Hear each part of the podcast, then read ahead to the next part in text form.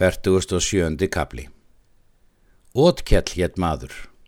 Hann var Skarfsson Hallkellssonar. Sá Hallkell barðist við grím í Grímsnesi og feldi hann á hólmi. Þeir voru bræður Hallkell og Ketilbjörn hinn gamli. Ótkell bjó í kirkjubæ. Þorgerður hétt kona hans. Hún var mástóttir Bröndólfssonar, Nattaðarssonar, hins færiska. Ótkell var auðugur af fjö. Sónur hans hétt Þorgir. Hann var á ungum aldri og gerfilegur maður. Skamkjell hétt maður. Hann bjóð hofi öðru. Hann átti vel fíi. Hann var maður íllgjarn og lígin, ódæll og íllur viðregnar. Hann var vinur Ótkjells mikill. Hallkell hétt bróðir Ótkjells. Hann var mikill maður og sterkur og var þar með Ótkalli. Bróðir þeirra hétt Hallbjörn Kvíti. Hann flutt út træleitnir melkólfur hétt. Hann var írskur og heldur óvinsæl. Hallbjörn fór til vistar með Ótkalli og svo melkólfur þræll. Þrællin mælti það jafnan að hann þætti sæll ef Ótkell ætti hann. Ótkell var vel til hans og gaf honum hníf og belti og alklæðnað en þrællin vann allt það er hann vildi. Ótkell falaði þrælin að bróður sínum. Hann hvaðs myndu gefa honum þrælin, en hvað þó verra grip í en hann ætlaði. En þegar Ótkell átti þrælin, þá vann hann allt verð. Ótkell talaði oft um það fyrir Hallbyrni bróður sínum að honum þótti þrælin lítið vinna, en hann hvað honum þó annað verð gefið. Í þennan tíma kom Hallari mikið svo að menn skorti bæði hei og mat og gekk það um allar sveitir.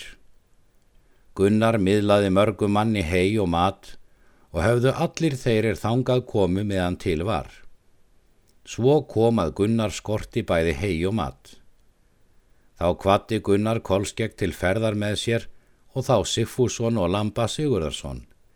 Þeir fóri í kirkjubæ og kölluðu ótkjel út. Hann heilsaði þeim.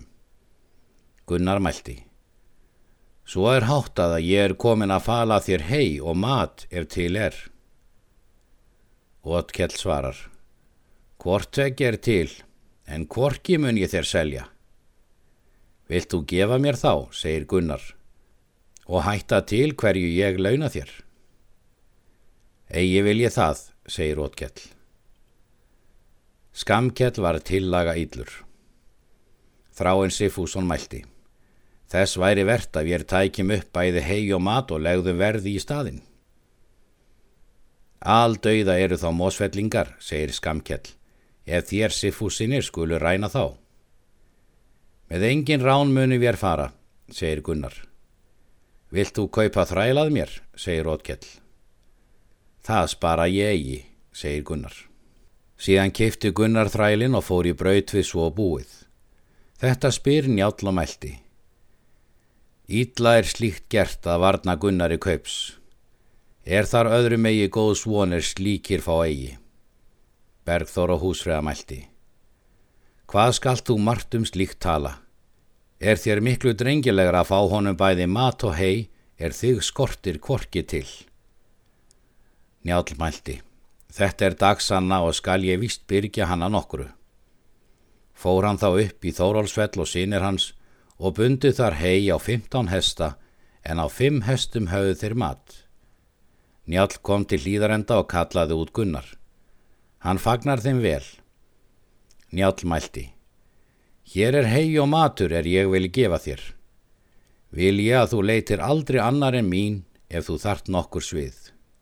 Góðar eru gafir þínar, segir Gunnar, en meira þykir mér vinátt að þín og svona þinna.